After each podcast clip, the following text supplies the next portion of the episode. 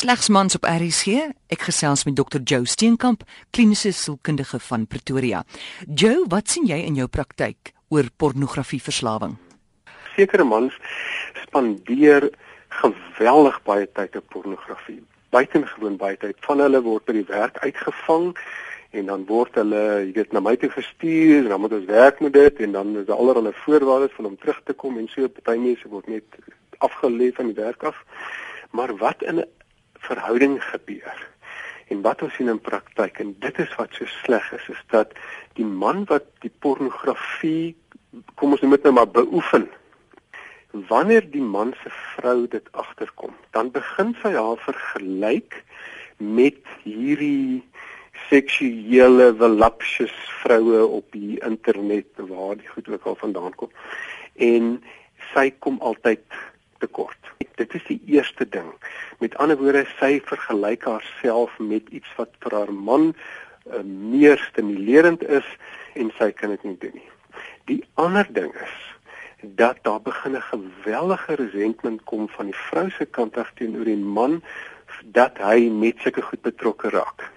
Nou man sit uh, wat pornografie beoefen het allerlei redes hoekom hulle dit doen. Maar die primêre rede is dit het te doen met maar 'n emosionele tekort in hulle stelsel en ek ek wil net teruggaan na die verhoudingsaspek. Dit is een van die mees destruktiewe goed in 'n verhouding. Eh, vergelyk die man ook sy vrou met daai sekskaatjie? Nee, nee, weet jy daai goed het niks met mekaar te doen nie. Ja? Dit het niks met mekaar. Dis 'n fantasiewêreld. Jy weet ongelukkig kan fantasie nooit realiteit vervang nie. En hoe minder intimiteit ons kan hanteer, hoe meer gaan ons in fantasie in. Mm. So iemand wat gemaklik is met intimiteit, het nie daai fantasie nodig nie. Jy weet daai tipe 'n uh, 'n kru ja. fantasie nie. En dis altyd vir ons 'n teken. Ekskuus, jy wou ietsie sê. Nee, nee, nee. Uh, uh, jy het net gepraat van die emosionele tekort gewoonlik in 'n man. Ja. Weet jy, emosionele tekort op 'n sekere ontwikkelingsfase.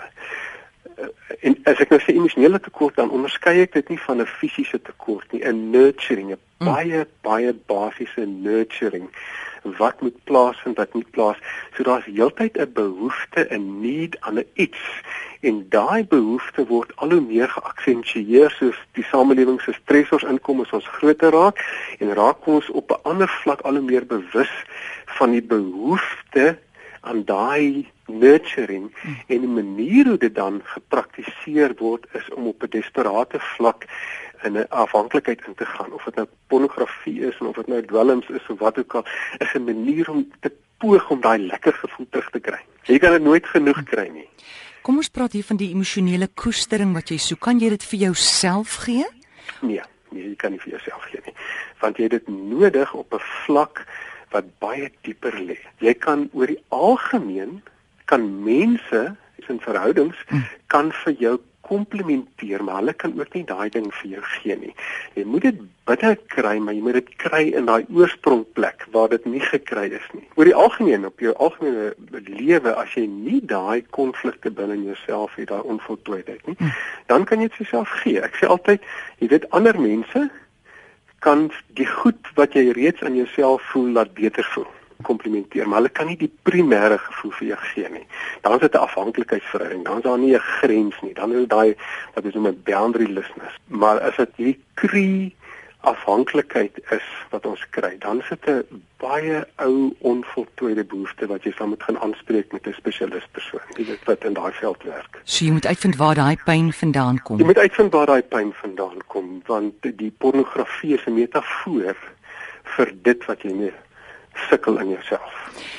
Joe, is daar iets wat mense kan gaan lees? Kan jy ons stuur na 'n webtuiste toe waar mense meer kan uitvind oor hoe mense daai tekortkominge kan aanspreek? Ons het 'n webtuiste wat mense kan na toe gaan, www.ship is h i p so skip in Engels .org .za Dit kan vir hulle beginpunt wees. Hulle kan ook vra vra, jy weet, op via die wetwerf kan vra vra van die vraag kom na ons as uh, opleiers toe as trainers toe en ons antwoord gereeld vrae van mense en ons kan ook dan vir hulle daarna aanleiding van die vrae kan ons vir hulle 'n verdere verwysing gee en vir hulle sê weet ons stel voor hulle maak kontak met daai persoon of so. Ek is seker vroue voel so ontmagtig. Wat kan 'n vrou doen in daai situasie? Weet jy wat gewoonlik gebeur is daai huwelike breek op omdat ja. dit so intens is. Wat ons gewoonlik kry is dat dis die vrou wat gaan vir psigoterapie, nie man nie. Uh, maar ons kry wel mans wat uh, gaan vir psigoterapie. Dis 'n baie moeilike psigoterapie, is baie in diepte want jy moet iets bekend maak wat baie swaar is om bekend te maak. En as ons deur dit werk dan kan ons daai situasie uitsorteer. Maar ongelukkig hmm. is dit gewoonlik die die die huweliksmaat wat gaan en baie kere lei dit tot 'n beëindiging van daai verhouding. So jy as vrou kan nie veel doen nie in terme van help jy word maar of jy raak 'n tier in die bed nie. Dit bly nog steeds vir jou man sy probleem. Amorey, weet jy wat sê ek? As twee mense in 'n verhouding 'n ding dieselfde definieer en hulle besluit nou dit werk vir hom van die kandelaar af te hang as hulle nou met mekaar op daai manier gesels dan is dit fyn. Dan is dit nie ten koste van die ander een nie. So daar is mense wat allerlei seksuele speletjies in hulle huwelik inbring en dis fyn, altyd definieer dit so. Maar wanneer dit ten koste van die een persoon is en dit hou aan, dan raak dit al hoe meer destruktief. En dit is die vir my die kernkonsep, nie ten koste van nie. As jy in so 'n situasie is, besoek die webtuiste, dis www.ship www.org